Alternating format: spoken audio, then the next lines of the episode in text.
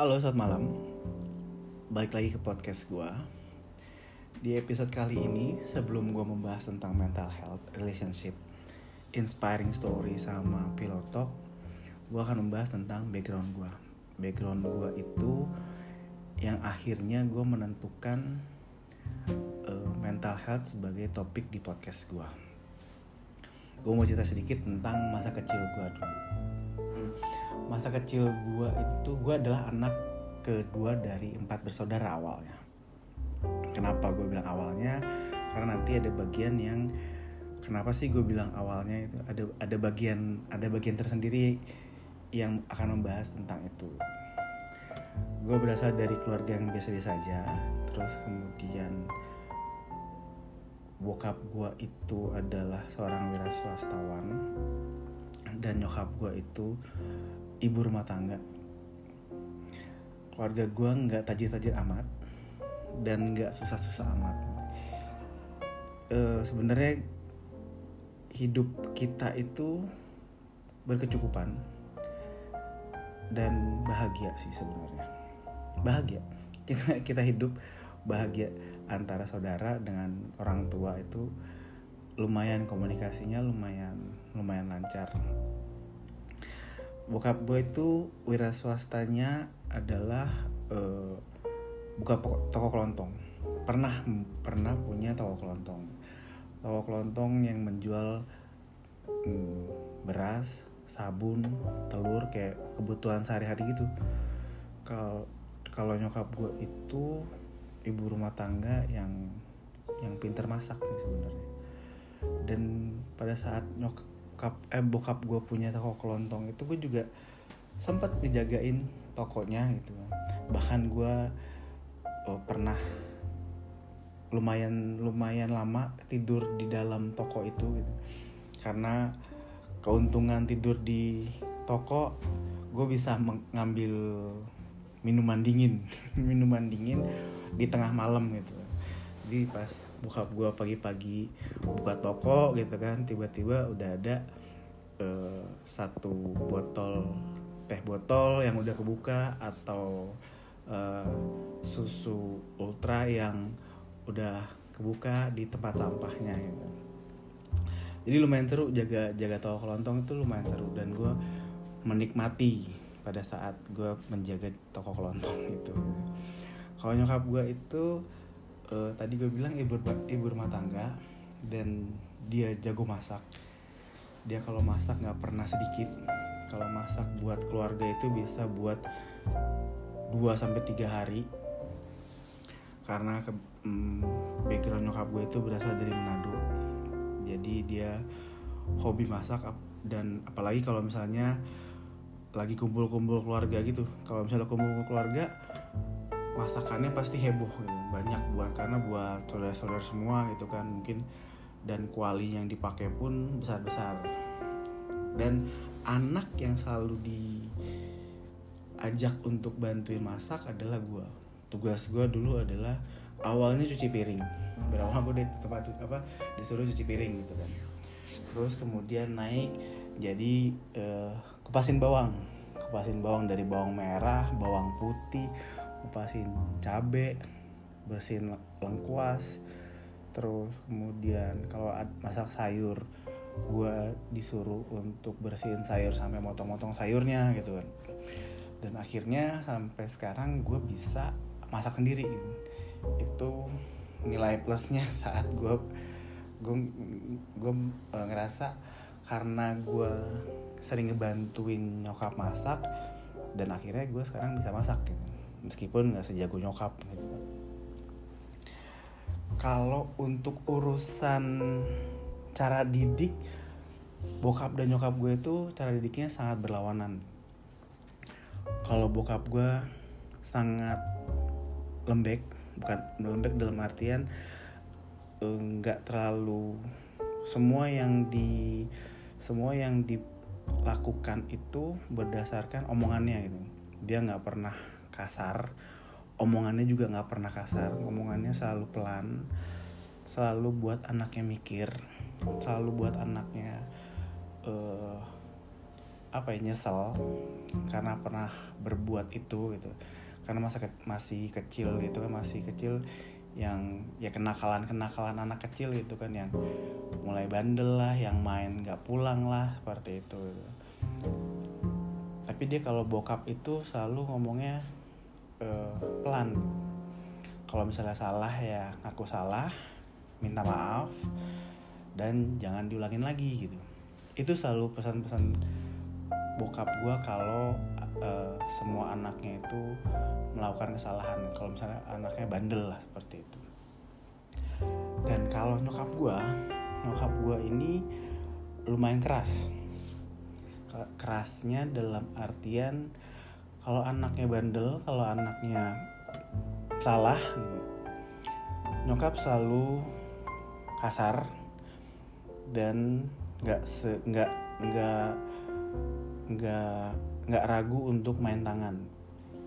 Dan nggak cuma tangannya aja gitu.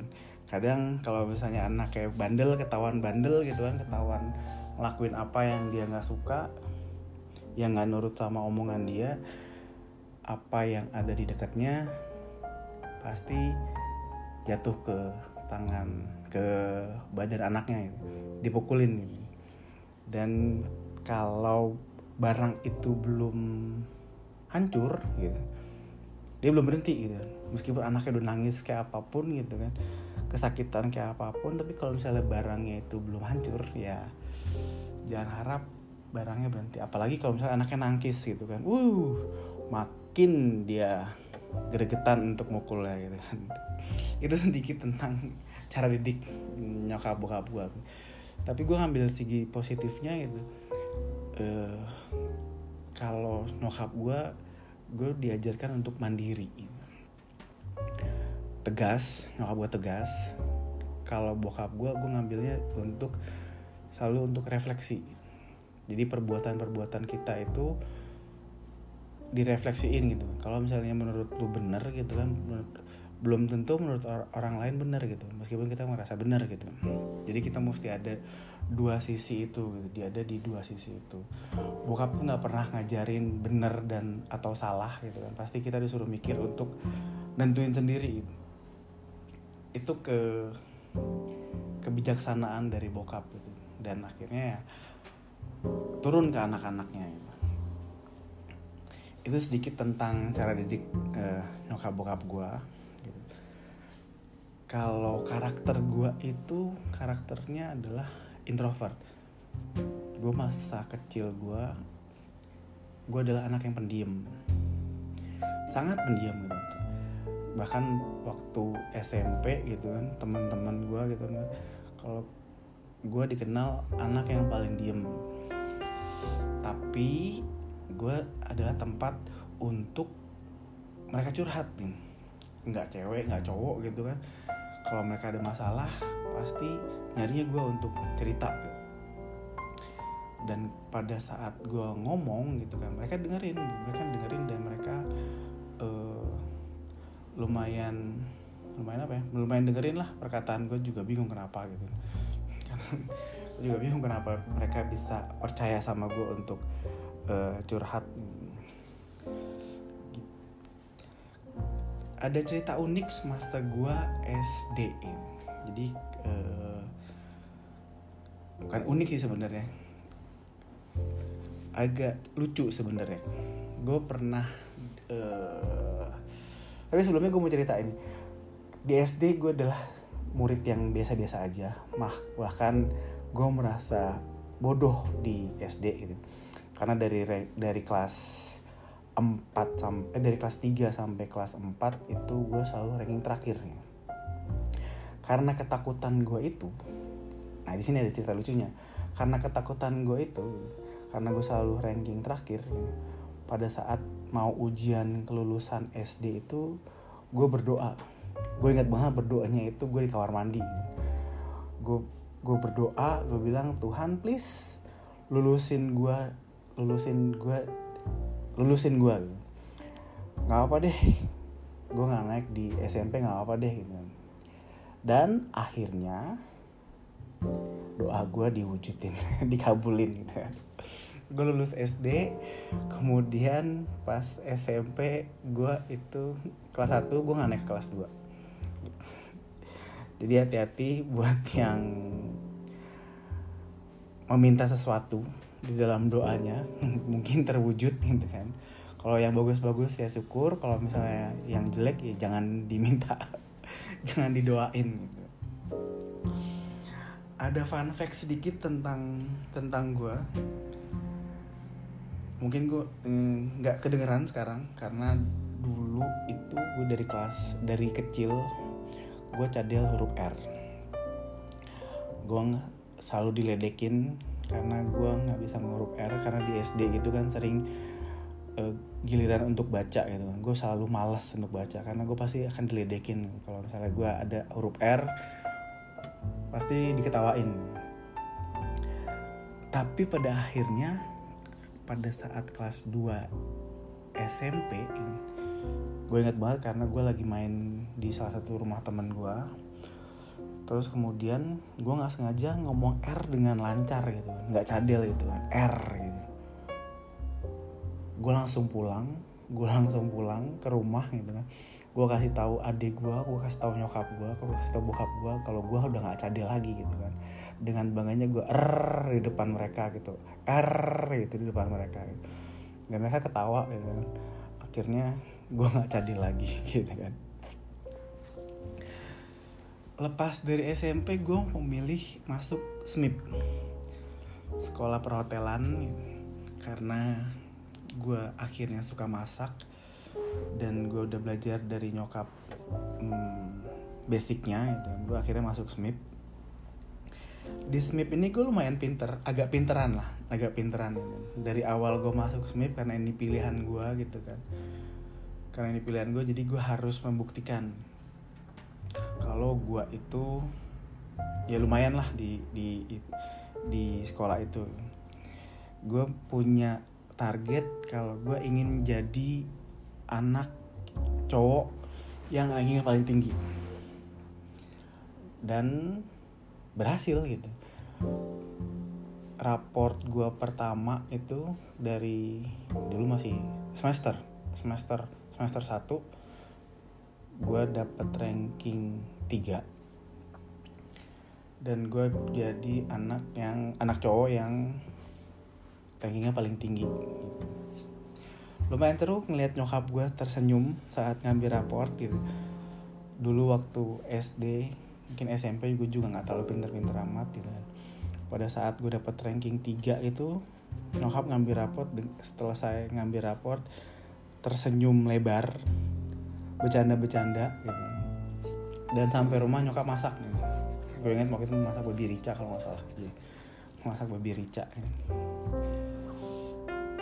ya seneng lah ngeliat ngeliat nyokap nyokap yang apa ya yang lu takutin. Gue nggak segan sama nyokap sama nyokap gue gue takut sama nyokap gue kalau gue buat salah gue selalu menghindar gitu kan. Gue gue nggak mau buat salah di depan nyokap gue karena konsekuensinya adalah gue bakal dipukul gitu. Gue tau gue bakal dipukul. Dan masa-masa SD itu emang gue masa baik lagi ke masa SD masa SD gue itu paling bandel gitu. Gue pernah apa ya pertama kali minum bir pas 3 SD jadi kejadiannya gue teman gue bawa habis Natalan mereka dapat parcel gitu kan dapat parcel keluarga dapat parcel. Dan salah satu teman gue itu bawa satu kaleng bir nih. Ketahuan sama kita minum berempat berempat kita minum berempat. Ketahuan sama guru dan akhirnya kita dijemur untuk hormat disuruh hormat ke tiang bendera dan akhirnya nyokap gue dipanggil tapi nyokap gue gak marah gitu. Nyokap gue gak mukul gue pada saat ketahuan itu nyokap gue gak mukul gue karena ya mungkin ya uh, karena minum di keluarga gue udah biasa gitu kan. Om om gue dari Manado itu suka banget minum gitu kan. Cap tikus wih rasanya bukan main gitu. Seperti itu background gue ngeliat di balik lagi ke Smith kan ini adalah titik awal gue jatuh. Semasa hidup gue pada saat MIP itu adalah jatuh pertama gue kenapa? Karena setelah libur apa setelah ambil raport kenaikan setelah libur kenaikan kelas dari kelas 1 ke kelas 2 tiga hari menjelang tiga hari atau dua hari menjelang masuk ajaran baru adik gue yang cewek itu dapat telepon. Dia ngangkat teleponnya di rumah. Dapat telepon dan tiba-tiba dia teriak histeris di dalam di dalam rumah. Karena kebetulan gue waktu itu lagi di luar rumah di teras. Teriak histeris dan kita semua lari ke dalam. Keadaannya itu nyokap lagi pergi sama bokap di, di Batam ke Batam. Dan dia histeris. Pas gue angkat gue ambil gagang teleponnya dan gue berbicara sama orang yang di telepon ternyata bokap gue dan cuma bilang mama lu udah nggak ada. Di situ kita sekeluarga drop di, saat umur yang masih muda gitu. mungkin gue waktu itu 17 tahun 17 tahun. Adik-adik gue masih kecil. Adik-adik gue mungkin yang satu. 14 tahun yang satu. Yang terakhir itu baru 10 tahunan. 10 atau 11 tahunan. Gue merasa kehilangan gue merasa kehilangan. Gue ngerasa di saat gue sedang mencari jati diri gue arah tujuan hidup gue gitu gue harus kehilangan nyokap gue sedih kita semua sedih kita semua terpukul. Dan impactnya sangat besar pada saat gue kehilangan nyokap setelah gue kehilangan nyokap gue itu impactnya sangat besar di pribadi gue gitu. Mungkin karena ini udah agak kepanjangan gue akan bahasnya uh, di episode setelah ini. Di episode setelah ini gue akan ngebahas jatuh awal gue ngapain aja sih setelah selama setelah nyokap gue meninggal sampai gue bilang ini adalah titik jatuh gue pertama. Gue ngapain aja sekolah gue kayak gimana nanti gue akan lanjut lagi. Jadi stay tune terus gue akan cerita. Uh, mungkin gue akan bagi jadi ini yang pertama gue akan jadi gue akan bagi jadi dua lagi. Jadi akan mungkin nggak lebih dari lima. Mungkin cuma tiga. Tiga episode dari dari pembahasan my story ini. So thank you for listening. I'll be back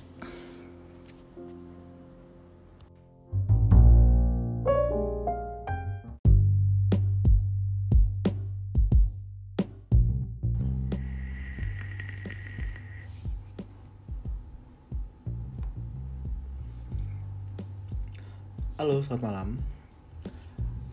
Balik lagi di podcast gue. Sekarang gue mau ngelanjutin cerita tentang background gue. Background di mana gue memilih tema mental health sebagai materi di podcast gue. Rekap sebentar, di story yang pertama itu gue cerita tentang gue, gue lahir dari keluarga yang biasa aja terus nyokap gue yang temperamennya seperti apa dan bokap yang super slow slow dalam artian nyantai orangnya nggak terlalu ribet. Dan terus gue juga cerita di story gue yang pertama itu tentang sekolah gue sekolah gue hasil sekolah gue seperti apa yang gue biasa-biasa aja gitu kan. Terus hampir setiap ambil raport gue selalu ketakutan karena pasti nilainya jelek sampai akhirnya gue bikin nyokap gue tersenyum pada saat ngambil rapor. Dan pada akhir cerita gue yang podcast gue sebelumnya gue cerita tentang kejadian uh, nyokap gue meninggal dan sangat terpukul sama kejadian itu karena apa ya gue ngerasa gue belum bisa bikin nyokap gue lebih bahagia lagi gitu. Pada saat itu ya pada saat itu gue gue ngerasa gue udah nggak bisa gitu. Nyokap gue udah nggak udah nggak ada dan gue nggak bisa nyok bikin nyokap gue bahagia gitu. Dan dari situ gue kehilangan arah. Gue biasanya selalu diingetin sama nyokap setiap ada apa-apa gitu. Kayak temen gue yang ngerasa kurang di mata nyokap tuh nyokap pasti ngingetin teman lo begini tuh teman lo begitu. Gitu. Dia dia dia bisa ngebaca karakter orang dan gue diajarin seperti itu. Bukan gue doang sih hampir semua saudara gue diajarin seperti itu. Dan setelah itu gue harus berdiri sendiri. Hmm, dan berapa bulan setelah nyokap gue nggak ada itu bokap akhirnya memutuskan untuk tinggal sendiri. Karena urusan pekerjaan jadi gue pisah sama bokap dan adik gue yang cewek itu tinggal sama nenek dan tante gue dan akhirnya gue tinggal sama adik gue yang cowok. Kakak gue yang cowok uh, punya kepentingan lain lah gitu. Dan dia jarang ada di rumah. Kalau dia datang dia dia datang. Kalau enggak ya udah dia nggak ada di rumah gitu. Intinya gue bakal gue cuma tinggal sama adik gue yang cowok gitu. waktu itu kita masih sama-sama sekolah gitu.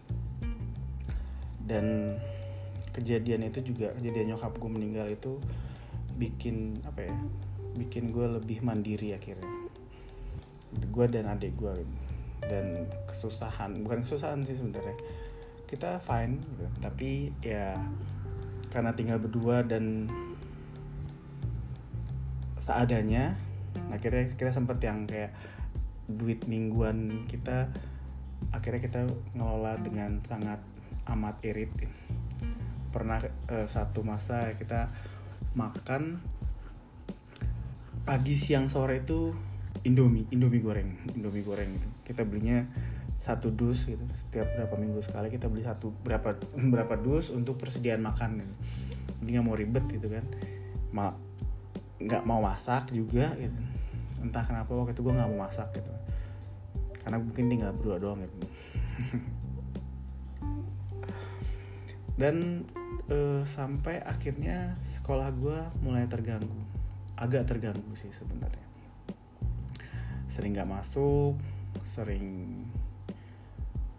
sering bolos gitu karena tinggal sendiri di rumah gitu kan ya udah gue uh, bolos hanya di rumah aja gitu kan. Gue menghabiskan waktu di rumah. Tapi adik gue tetap sekolah. Dan dia juga kadang nggak sekolah juga sih. Tapi kita sama-sama sama-sama di rumah berdua kadang kita kadang sama-sama nggak sekolah berdua di rumah. Dan akhirnya gue mencoba sebuah drugs. Karena pengaruh karena pengaruh lingkungan. Akhirnya gue mencoba sebuah drugs yang namanya sabu sabu sabu di situ gue merasakan happy.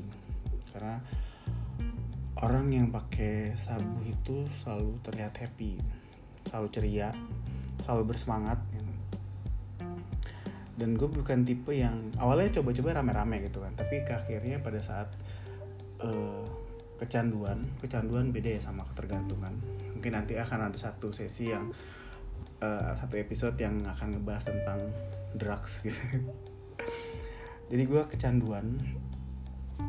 Kecanduan uh, mungkin selama dua dua tahun. Sama dua tahun itu gue cuma tidur dua hari sekali. Jadi ya setiap dua hari melek terus gue tidur gitu. Dua hari. Dan rekor gue adalah 38 36 jam gue nggak tidur. Itu bukan rekor yang dibanggain sih sebenarnya. Gitu. Dan akhirnya gue uh, setelah kecanduan itu gue memilih untuk makainya tuh di rumah sendiri gitu. Nggak bareng teman-teman gue gue lebih suka pakai sendiri di kamar gitu kan. Dan gue sibuk dengan kesibukan gue sendiri entah itu main game entah itu ngotak-ngatik komputer gitu dan cukup lama gitu kan cukup lama. Terus kemudian gue bisa berhenti itu karena apa ya gue berhenti drugs itu karena tantangan teman gue sih sebenarnya. Bukan tantangan sih. Jadi waktu kita ngobrol-ngobrol berdua memilih gitu kan. Waktu itu zamannya putau dan sabu yang terkat yang ngetren pada saat itu. Sabu temen gue menganggap sabu lebih baik dibanding putau pada waktu itu. Uh, karena gue anaknya nggak suka ditantangin ya misalnya dia cuma bilang gitu kan sabu lebih baik daripada putau dan gue bilangnya enggak enggak dua-duanya gitu kan. Dan dia menganggap lu nggak bakal bisa berhenti sama kalau kalau nyabu itu lu nggak bakal bisa berhenti gitu. Dan akhirnya gue membuktikan gue bisa gitu kan.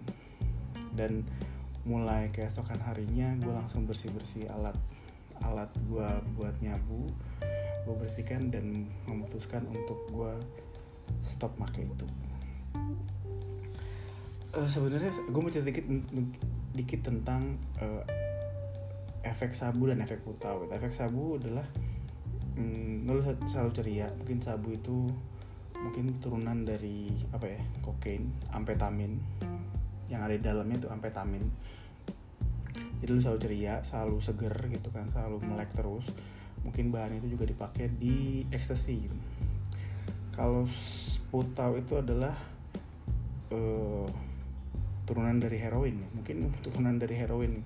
Jadi ya kalau kecanduannya putau itu badan sakit-sakit gitu. Kalau misalnya nggak pakai putau badan pasti selalu sakit. Itu makanya gue bilang teman gue sampai bilang hmm, sabu lebih baik dibanding putau karena efek kecanduannya efek ketergantungannya. Sedangkan kalau sabu kalau lu nggak pakai sabu kalau lu biasa pakai sabu dan tiba-tiba stop efeknya itu adalah lu ngantuk.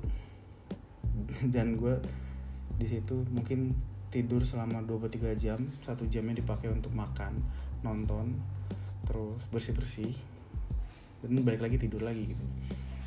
Dan lumayan lumayan lama gue untuk balikin normal lagi gitu dan pada saat gue mencoba untuk balik uh, normal di situ ada kejadian bokap pulang ke rumah. Bokap uh, baik lagi gitu kita tinggal bareng-bareng lagi sama bokap. Tapi ada seseorang seseorang wanita gitu kan yang diajak bokap dan ternyata itu adalah istrinya. Istrinya dan usut punya usut ternyata mereka sudah menikah gitu. Agak kecewa gue sih sebenarnya agak kecewa dulu keadaannya gue kecewa. Kenapa mereka uh, bokap nggak bilang ke anak-anaknya kalau dia mau menikah dan akan menikah? Tiba-tiba ujuk-ujuk ya datang ya udah tinggal aja gitu. Dengan keadaan yang mereka udah sudah udah menikah gitu itu gue sempet ya apa ya ngerasa kenapa sih ini kenapa lagi sih ini gitu.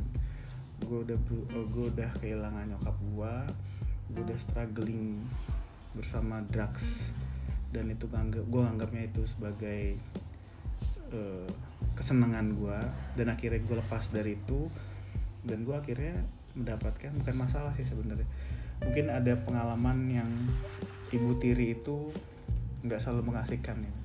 Dan gue merasakan bukan bukan berarti semua ibu tiri itu eh, nggak uh, asik ya maksudnya. Uh, tapi gue mengalaminya ibu tiri gue itu nggak enak orangnya.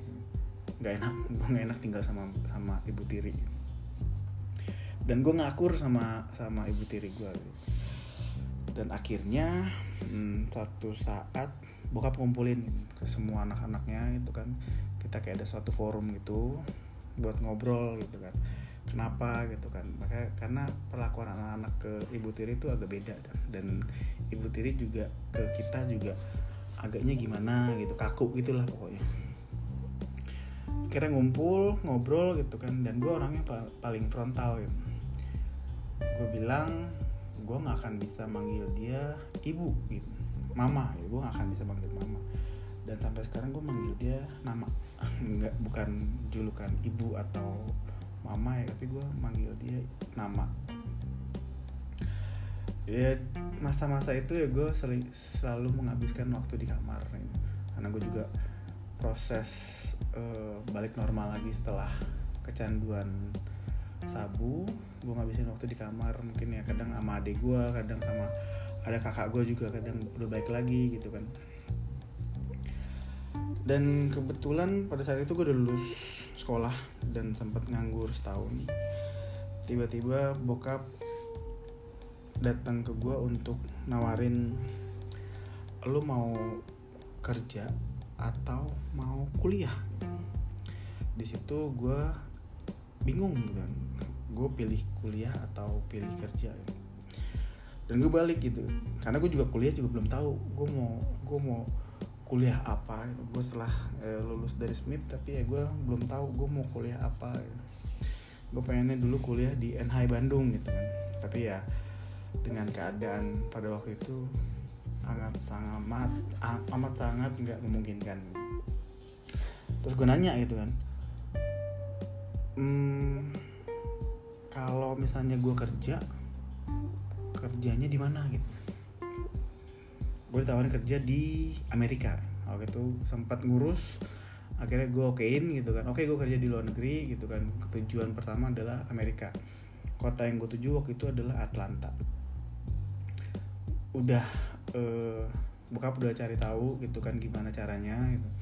Tapi gue kehalang karena gue belum punya paspor dan pada saat itu gue baru bikin paspor gitu. masalahnya urusan visa ke Amerika itu lumayan susah. Gitu.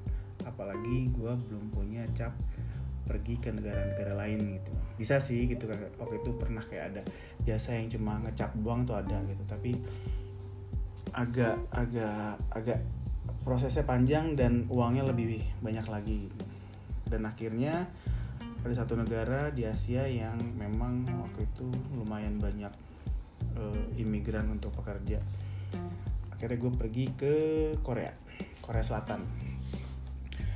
Korea Selatan hmm, gue memakai visa turis waktu itu. Jadi gue masuk ke Korea uh, sebagai turis dulu. Gue jalan-jalan dulu selama lima hari. Terus kemudian baru gue dibawa ke sebuah lokasi dan sebuah pabrik yang entah berantah karena mungkin ada kali tiga tiga tiga jam perjalanan. Mungkin ya tiga jam perjalanan itu antara subway keret uh, subway dan bis. Di situ ya gue bekerja sebagai apa ya pekerja ilegal jadi pekerja ilegal hmm, selama mungkin selamanya nanti deh sebenarnya gue mau lebih ceritain di Korea itu adalah titik balik gue titik balik gue dalam artian uh, eh, gue ketemu banyak orang ketemu banyak karakter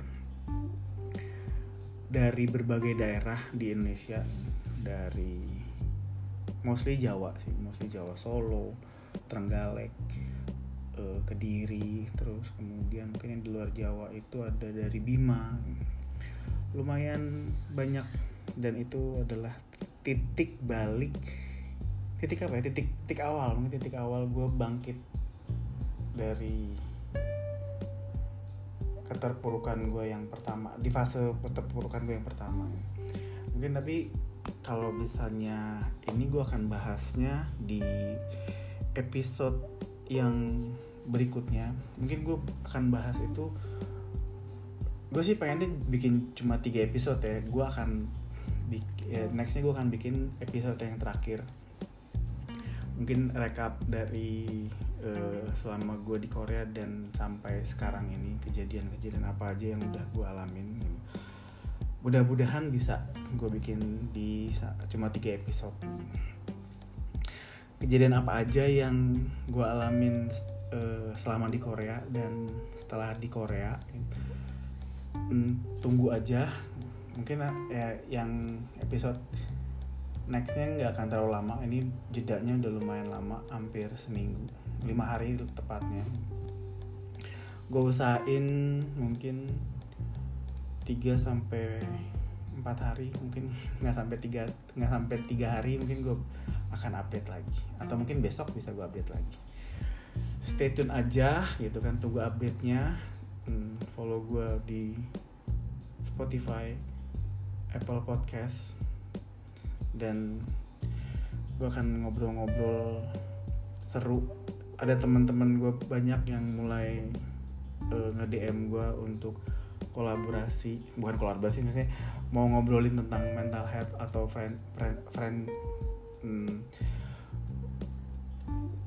friendship friendship dan inspiring story ditunggu aja update nya uh, setelah gue selesaiin season uh, season uh, my story ini. Thank you for listening. Uh, just wait for my update. Thank you